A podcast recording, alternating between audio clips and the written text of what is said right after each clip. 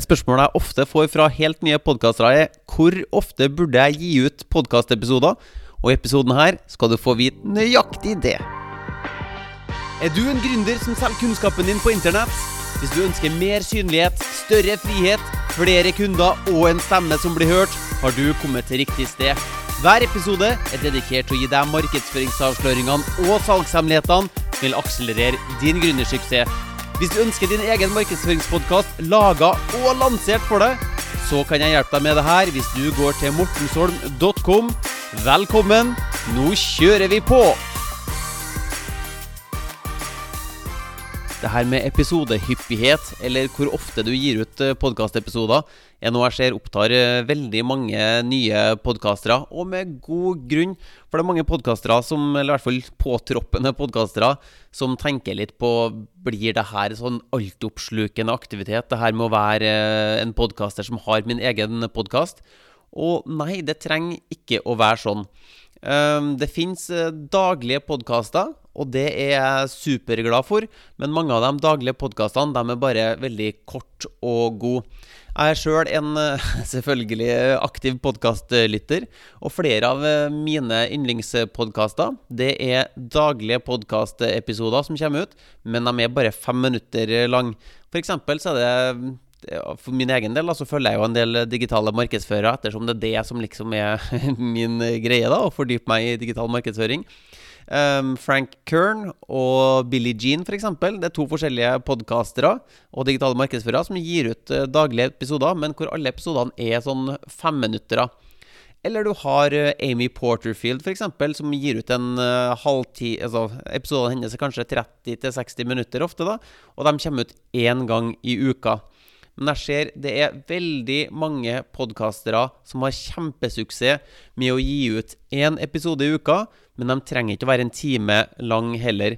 Du kan gi ut en kvartersepisode én gang i uka. Da kommer du veldig, veldig langt. Men hele poenget her nå er å faktisk være forutsigbar og forplikte seg litt til en uh, hyppighet, sånn at uh, lytterne dine tar deg på alvor, så du ikke blir en sånn uh, surrebukk som gir ut to episoder, så går det en måned til neste gang, og så kommer det tre episoder, så går det sju uker. Altså at det er litt forutsigbarhet og system, sånn at folk vet hva de har å forholde seg til. Og da kan du enten ha lange episoder, sånn som Joe Rogan. Han har vel, jeg tror noe av rekordene hans må være opp mot fire timer, fire timer lange podkastepisoder. Og da blir du dratt inn i episoden, og kanskje hører ikke alt sammen på i én lytting heller. Kanskje deler du opp over flere eh, lyttesekvenser. Eller du kan ha de her små episodene, da. Så hva er det som avgjør hvilken episodehyppighet du burde legge deg på? Jo, det aller første behovet vi må se på, er dine egne behov og din egen eh, hverdag. For det er viktig nå at vi ikke bygger opp en ambisjon som gjør at det blir for vanskelig for deg å faktisk forplikte deg til å bli en podkaster og fullføre podkasten og bli en forutsigbar podkaster for dine lyttere. Hvis du har et liv som ikke tillater deg eh, firetimerspodkaster hver uke, så syns jeg heller ikke at det skal være noen ambisjon å gjøre det. Så det jeg bruker å starte med, og si til mine kunder, er at kanskje vi skal starte med en kvartersepisode som vi gir ut én gang i uka. For hvis du da bare spiller inn Sett Setter deg ned en time og spiller inn fire episoder, så er det gjort på en time. Da har du fire episoder som du kan dryppe én gang i uka utover den neste måneden. Og på den måten da, så har du brukt én arbeidstime til å lage alle fire episodene for en hel måned. I hvert fall hvis du samarbeider med meg, sånn at jeg står for redigering og publisering og markedsføring og hele den biten der. Uh, by the way, hvis du er interessert i den biten der, så kan du jo gå til www.mortensholm.com for å se hvordan jeg kan uh, starte en podkast og lansere den for deg. Men i hvert fall, så behovene dine må være utgangspunktet til hvor ofte du kommer ut med podkastepisoder. Og når det er sagt, så er det et litt sånn matematisk regnestykke som går noe sånt som følger. Jo flere minutter eller jo flere timer dine lyttere bruker til å lytte til deg, jo mer vil de ha tillit til deg og stole på deg og kanskje til og med like deg. Med andre ord, jo mer kjøpeklar vil dine lyttere bli. Så der er de to hovedtingene vi må ta utgangspunkt i. Ditt liv. Du må ikke lage så mye podkastepisoder at du ikke klarer å følge opp og ha et levelig og godt liv. Og samtidig, eh, på den andre sida, behovet for at eh, jo mer folk hører fra deg, jo mer begynner folk å stole på deg også.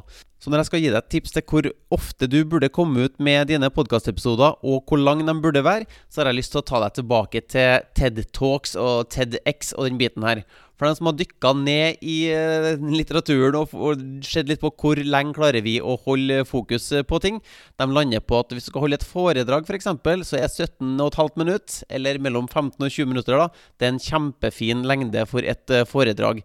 Og kanskje kan vi ta med oss noe av det her over til podkastmediet også. Se om du kan legge deg på kvartersepisoder og gi ut de her kvartersepisodene dine én gang i uka, så det er en helt super start.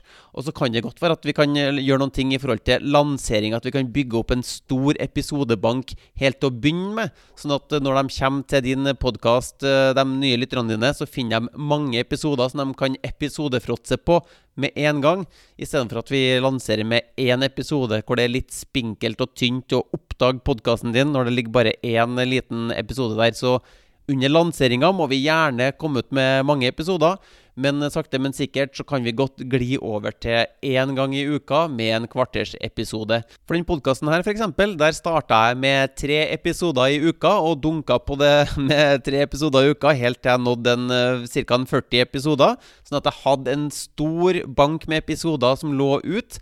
Og så tillater jeg meg sjøl å gli over til én gang i uka. At jeg lager sånne små, uh, små, søte episoder som det her, og gir dem ut én uh, gang i uka for å holde kontakt med mine eksisterende lyttere.